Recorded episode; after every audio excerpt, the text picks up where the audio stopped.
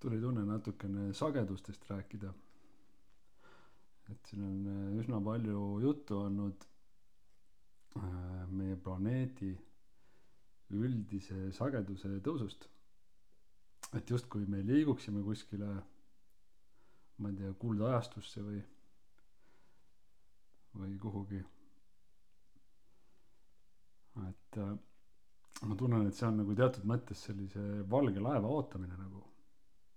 Et kogu aeg miski asi nagu läheb kõrgemaks. me siis nagu ootame seda. ja justkui jätame iseenda kuidagi soiku.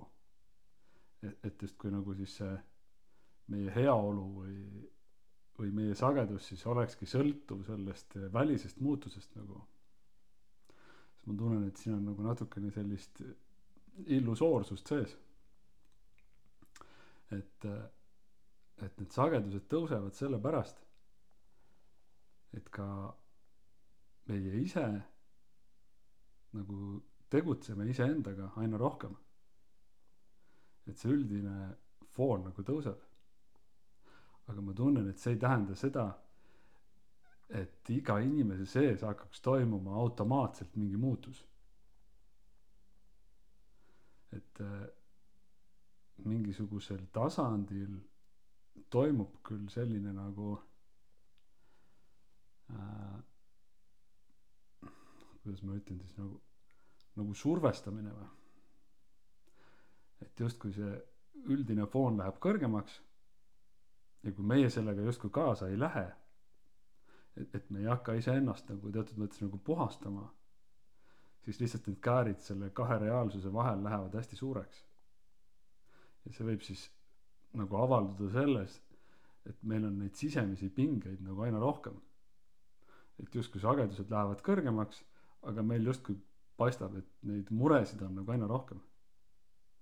sest see, ma tunnen, et selle asja idee on see, et meil on vaba tahe et mitte keegi ei sunni meid iseennast puhastama või kuidagi arendama.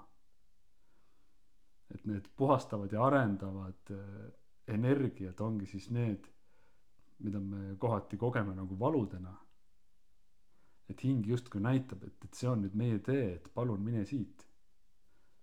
nii, ja siis me hakkame võitlema sellega või surume alla seda. lootes siis nagu mingisugusele helgele tulevikule. et saabuks nii-öelda seesama hetk, mis oli nagu eile või nagu minevikus. Aga reaalsus on see, et need asjad ei kao ära. ja teine reaalsus on see, et mitte üks jõud ei lükka meid nagu siis ühest reaalsusest teise.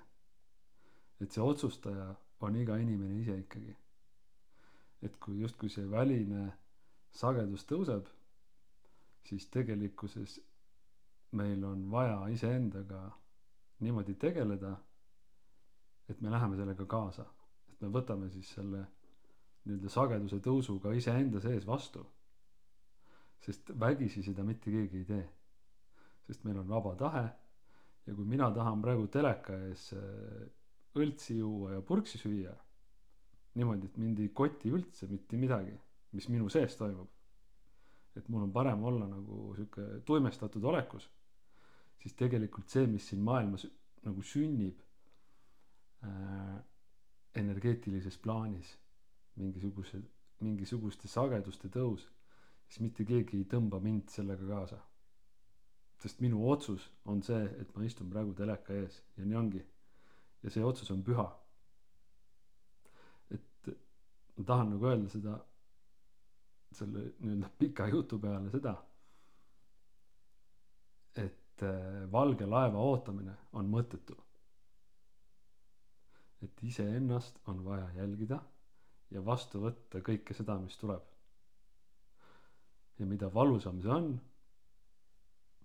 noh, ütleme nii, et, et seda rohkem ma siis võitlen selle vastu tegelikult et sellist valget laeva tegelikkuses äh, ei ole ja ei tule ka. selline on minu tunnetus. et need energiad on läinud kõrgemaks küll, ja iseendaga tegelemine ja nii-öelda murede avastamine iseenda seest läheb aina lihtsamaks. Aga sellist asja et keegi teeks seda meie eest ära siis see on tegelikult nii-öelda võiks öelda isegi et keelatud. Et sellist asja ei, ei saa olla ja ei tohi olla. Et siin mingil hetkel olid meil küll siin igasugused välised jumalad aga nemad kaotavad aina enam oma mõjuvõimu just sellega et et inimene hakkab vaatama kus kohas tegelikult see nii-öelda jumala riik on. Ja see on meie südames mitte kuskil mujal.